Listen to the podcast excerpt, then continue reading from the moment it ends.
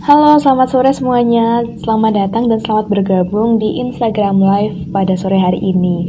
Sore hari ini kita akan Instagram Live dan ngobrol-ngobrol singkat nih bersama Kak Lena. Beliau adalah seorang mahasiswa kesehatan. Jadi nanti kita akan ngobrol nih seputar kesehatan, pola hidup sehat, komunitas gitu-gitu. Oke, kita masih menunggu Kak Lena untuk bergabung bersama kita ya. Dan untuk teman-teman yang ketinggalan live Instagram kita kemarin, teman-teman bisa ngecek di IGTV kita juga teman-teman bisa mendengarkan via podcast Senandung PR dan di Instagram dan di YouTube Indonesia underscore sehat. Halo, selamat bergabung. Kita masih menunggu. Ah, Kak Lena sudah bergabung. Saya akan invite Kak Lena.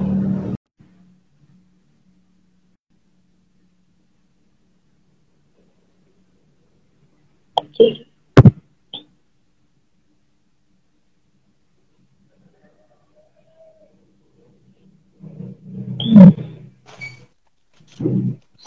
Kak Lena. Halo Nindi. Halo, selamat sore Kak. Gimana Kak Lena kabarnya? Ya, selamat sore kembali.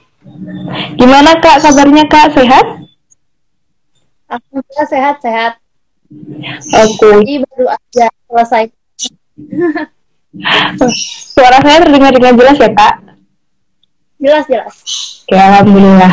Oke Kak Lena, sebelumnya saya mengucapkan terima kasih banget ya Kak sudah mau Instagram bersama kita, mau ngobrol-ngobrol singkat, telah meluangkan waktunya untuk kita. Terima kasih banyak Kak Lena. Ya, sebelumnya boleh Tem- mungkin Kak Lena bisa memperkenalkan diri dulu ke teman-teman yang lagi nonton dan nanti akan mendengarkan tentang sebenarnya siapa sih Kak Lena ini gitu. Uh, ya, Uh, aku perkenalan diri dulu aja ya. Uh, halo semuanya, perkenalkan nama aku Lena Nur Ardiani. Kalian bisa panggil aku Lena. Nah, saat ini aku masih jadi mahasiswa kesehatan di uh, D3 Kebidanan Sekolah Tinggi Ilmu Kesehatan Akvideo. Kalau semesternya sekarang semester 5. Oh, berarti semester 5 berarti kakak tahun 2018 ya kak mau mulai kuliahnya? Ya, ya. Jadi semester 5. Terus boleh cerita sedikit nggak sih kak tentang pengalaman perkuliahan kakak di bidang kesehatan? Ya, uh, kalau pengalaman itu pasti banyak banget ya.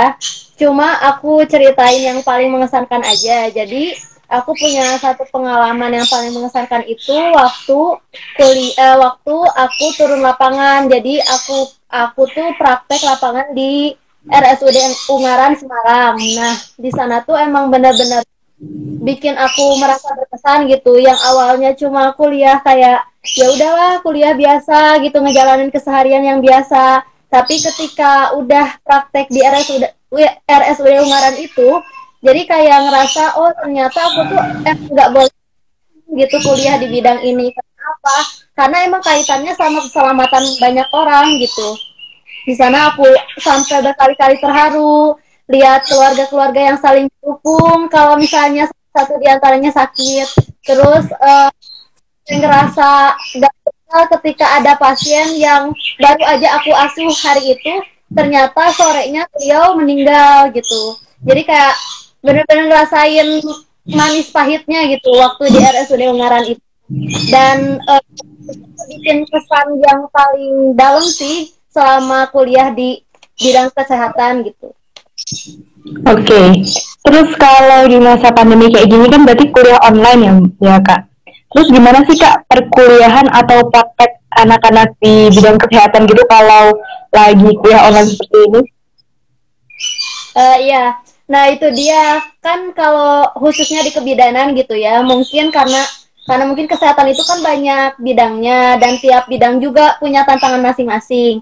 Nah, kalau di kebidanan ini apalagi D3, itu kan dominannya itu sebenarnya praktek gitu. Hampir 30 persennya itu teori dan 70 persennya itu praktek. Nah, sedangkan eh, di lewat online ini gitu, kuliah daring ini jadinya kita cuma bisa ngejalanin yang teori aja gitu emang kalau buat story itu emang lancar kayak pakai Zoom atau Google Meet dan lain sebagainya. Tapi kalau praktek ini terhambat. Bahkan kemarin tuh harusnya semester 4 gitu ya. Harusnya tuh uh, aku kayak udah turun lapangan yang kedua gitu, praktek klinik yang kedua. Itu harusnya di puskesmas.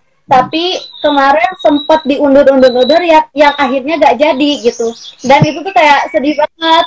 Aku khawatirnya sih khawatir kayak diperpanjang waktu atau masa kuliahnya. Tapi ternyata kalau nanyain ke dosen aku, enggak sih, kemungkinan enggak gitu. Kayak tetap bisa uh, apa ya, sakit waktunya gitu. Oh, jadi ada kemungkinan tapi alhamdulillah nggak jadi diperpanjang gitu ya kak ya. Oh ya, terus kalau sebagai mahasiswa nih, apa sih yang Kak Lena lakukan sebagai bentuk partisipasi untuk menurunkan angka penyebaran COVID-19? Karena kan kita tahu beberapa hari ini angka penyebaran COVID-19 tuh kayak terus meningkat gitu loh Kak. Oh iya, nah ini emang benar-benar bikin kita sedih ya pandemi ini kayak udah panjang banget gitu. Aku aja udah terasa dari Maret sampai sekarang Agustus itu di rumah gitu nggak nggak bisa ngapa-ngapain gitu kayak kayak nggak bebas aja gitu. dan mana itu cara buat ikut serta um, apa ya mengatasi uh, pandemi ini. Nah kalau misalnya aku uh, dimulai dari sendiri dulu kayak bikin apa ya uh, memperbaiki pola hidup sehat kayak gitu terus uh, lebih sering apa ya keluar keluar tuh lebih sering pakai masker dan emang selalu pakai masker gitu selama pandemi itu. Terus jaga jarak ya sesuai anjuran pemerintah gitu. Nah selain dari diri sendiri juga aku kayak ngajakin keluarga aku orang-orang terdekat aku supaya kalau misalnya uh, mereka menghadapi pandemi gini gitu apa aja sih yang harus mereka terapin kayak gitu. Kayak mengingatkan mereka buat jaga pola hidup sehat kayak hanya gua aku mau langsung buru-buru diingetin pakai masker ya terus nanti jaga jarak kayak gitu. Ya gitulah. Uh, terus yang itu ya mungkin aku coba ngisi-ngisi waktu luang aja sih. Karena kan emang ngebosenin ya di rumah apalagi bagi orang-orang yang biasanya tuh mobilisasinya itu tinggi gitu. Kayak ke mana-mana aja gitu. Nah ketika apa ya ketika pandemi gini ya aku coba ngatasinya itu dengan ikut-ikut apa ya ikut-ikut kegiatan online. Kayak kan sekarang banyak webinar tuh webinar series atau ya banyak lagi kegiatan online lainnya gitu. Oke jadi dimulai dari kita juga terus mengingatkan ke or, uh, keluarga terdekat gitu ya kak ya? Iya iya. Tadi Kak Lena tuh sempat mention tentang pola hidup sehat, pokoknya tentang hidup yang sehat gitu ya. Terus kalau menurutnya Kak Lena nih, seberapa penting sih Kak pola hidup sehat itu untuk kita sebagai seorang manusia? Ya sebenarnya pola hidup sehat ini emang penting banget sih, bahkan dari sebelum adanya pandemi gitu. Cuma orang-orang kayaknya lebih lebih aware sekarang gitu, lebih memperhatikan sekarang sama pola hidup sehat. Nah, pola hidup sehat ini bahkan uh, sangat penting, saking pentingnya WHO sampai berpendapat bahwa pola makan tidak sehat dan kurang aktif fisik itu menjadi faktor resiko ter, uh, yang paling utama pada permasalahan kesehatan secara global gitu. Jadi ya dari sana aja gitu dari pernyataan itu kita udah udah harusnya udah sadar gitu. Oh ternyata emang bahaya banget kalau kita nggak nggak menerapkan pola hidup sehat gitu ya salah satu hal kecilnya dari mencuci tangan pun gitu itu bisa jadi sumber penyakit gitu kalau misalnya gak kita lakuin jadi penting banget ya menjaga pola hidup sehat sebagai kita ini sebagai manusia gitu kak ya. Iya iya penting banget. ya terus nih kak ngomongin tadi kan oh ya pola hidup sehat itu penting buat kita sebagai manusia. Terus gimana sih cara berpola hidup sehat menurut kak Lena sendiri? Ini menurut aku ya jadi kalau uh, teman-teman sebenarnya bisa banyak baca dari Google atau dari sumber sumber-sumber lainnya gitu. Karena banyak sekarang yang bahas tentang pola hidup sehat bahkan kayak teman-teman pun mungkin ada yang ikut gerakan campaign pola hidup sehat di Instagram atau lain sebagainya. Cuma uh, kalau tips dari aku sih sedikit aja gitu ya. Yang pertama itu dari kita memilih makanan sih uh, kita mengkonsumsi makanan yang sehat dan bergizi jadi yang bergizi kalau misalnya nggak sehat itu ya percuma aja gitu buat kita. Jadi dua hal ini sehat dan bergizi emang bener-bener perlu ditekankan gitu. Yang pertama itu dari pemilihan makanannya, uh, itu jelas yang sehat, yang bergizi. Terus dari pengolahannya juga, pengolahan cara pengolahan makanan kadang-kadang bikin makanan yang sehat pun jadi gak sehat gitu. Kayak misalnya nih kayak sayuran, terus daging, terus roti itu kan sehat. Tapi ketika jadi burger kan jadinya uh, apa ya jadi junk food gitu malah jadi gak sehat terus kemudian dari waktu uh, waktu ini berkaitan sama uh, cara apa ya pilihan waktu kita buat makan kadang orang makan waktu uh, waktu orang itu merasa lapar aja gitu padahal harusnya si makan itu tuh waktunya tuh teratur gitu nah kemudian uh, apa ya aku cuma mau ngasih perbandingan aja gitu dari makanannya porsi makannya itu gimana. Kalau menurut aku, karbohidrat itu yang dibutuhkan adalah 50%. Kemudian proteinnya 15 sampai 20% dan lemak itu 20 sampai 25%. Ini harus diimbangi dengan vitamin dan mineral juga. Karena kalau misalnya kita cuma makan lemak, protein, karbohidrat tanpa ada vitamin dan mineral itu kayaknya bikin permasalahan di tubuh kita juga gitu karena gak seimbang itu.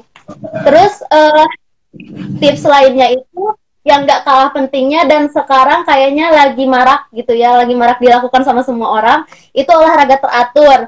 Nah, olahraga teratur ini sebenarnya ada waktunya gitu. Durasinya itu minimal 150 menit per pekan atau satu minggu itu 150 menit. Mungkin kalau misalnya kita ambil 30 menit per hari, berarti jadi lima hari itu dalam seminggu kita lakuin olahraga. Nah olahraga ini gak perlu berat-berat kok, gak perlu misalkan, kita ke uh, tempat buat gym atau apa gitu, ngelakuin angkat besi dan lain sebagainya tuh gak perlu gitu.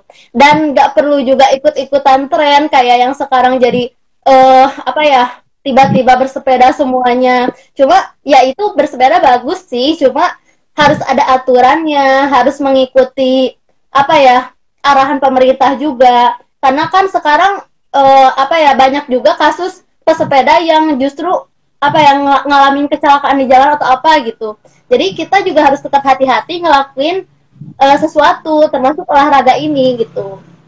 Kemudian yang nggak kalah pentingnya itu mengelola stres. Nah ini benar-benar harus uh, kita kelola karena apa? Psikologis itu mempengaruhi uh, apa ya? Mempengaruhi fisik lebih besar daripada pengaruh lainnya gitu. Karena apa? Ketika kita mensugestikan diri kita itu gak baik-baik aja, ya otomatis fisik kita juga ikutan gak baik-baik aja gitu. Kayak uh, ketika kita nih ya contohnya, misalkan kita nih uh, terlalu khawatir sama tugas, terlalu khawatir bahkan sama pandemi gitu, takut ah ke mana-mana kayak gitu-gitu gitu, terlalu pikirin, ujung-ujungnya kita ngerasa sakit kepala, sakit perut, atau bahkan bisa tekanan darahnya jadi tinggi, jadi naik gitu, terus dadanya kerasa sakit sama sulit tidur, itu kan malah jadi apa ya, jadi gejala agak baik buat tubuh kita gitu. Dan yang terakhir itu istirahat cukup. Nah, istirahat cukup ini kayaknya sering dilupain sama mahasiswa deh.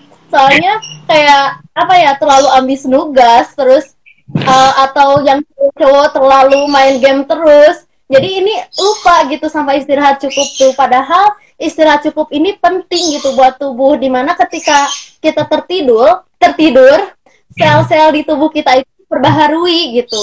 Kalau misalnya kita gak istirahat gimana sel-sel di tubuh kita diperbaharui gitu? Nah ini di, di istirahat cukup ini ada yang dinamakan the power of habit di mana kekuatan kebiasaan itu benar-benar apa ya benar-benar berpengaruh di sini gitu. Walaupun di di hal lain juga berpengaruh cuma kayak lebih besar di sini. Karena ketika kita apa ya ketika kita terbiasa tidurnya malam atau tengah malam atau bahkan apa ya menjelang pagi gitu nah justru itu jadi kebiasaan jadi kerekam sama otak kita jadi bisa tidurnya tuh waktu itu gitu.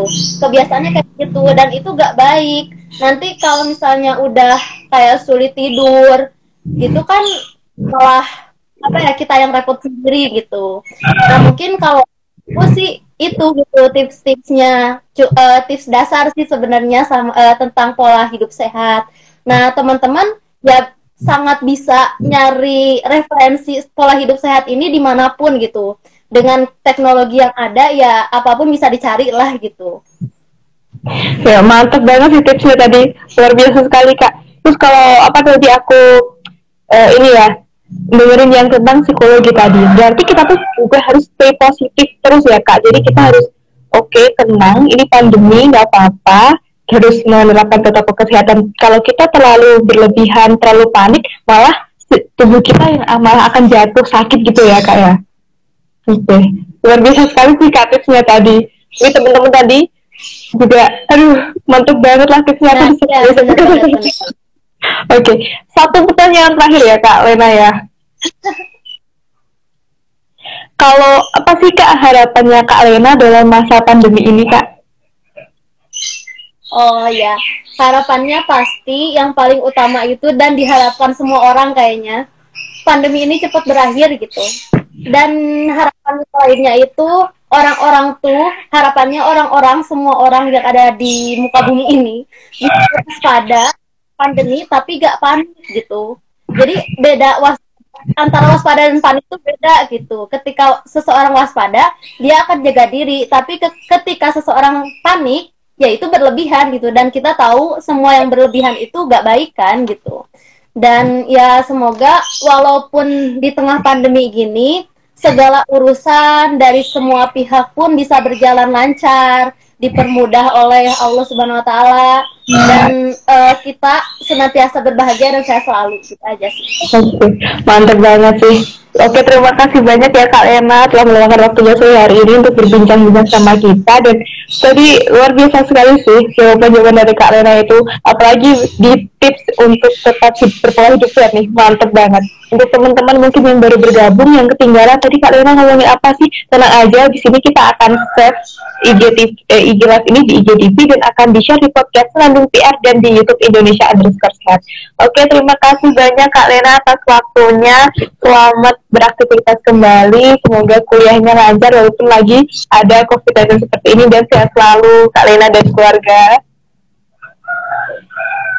Oke, terima kasih juga teman-teman semua dan sampai jumpa di ya, Instagram di Instagram selanjutnya. Oke, terima kasih Kak Lena.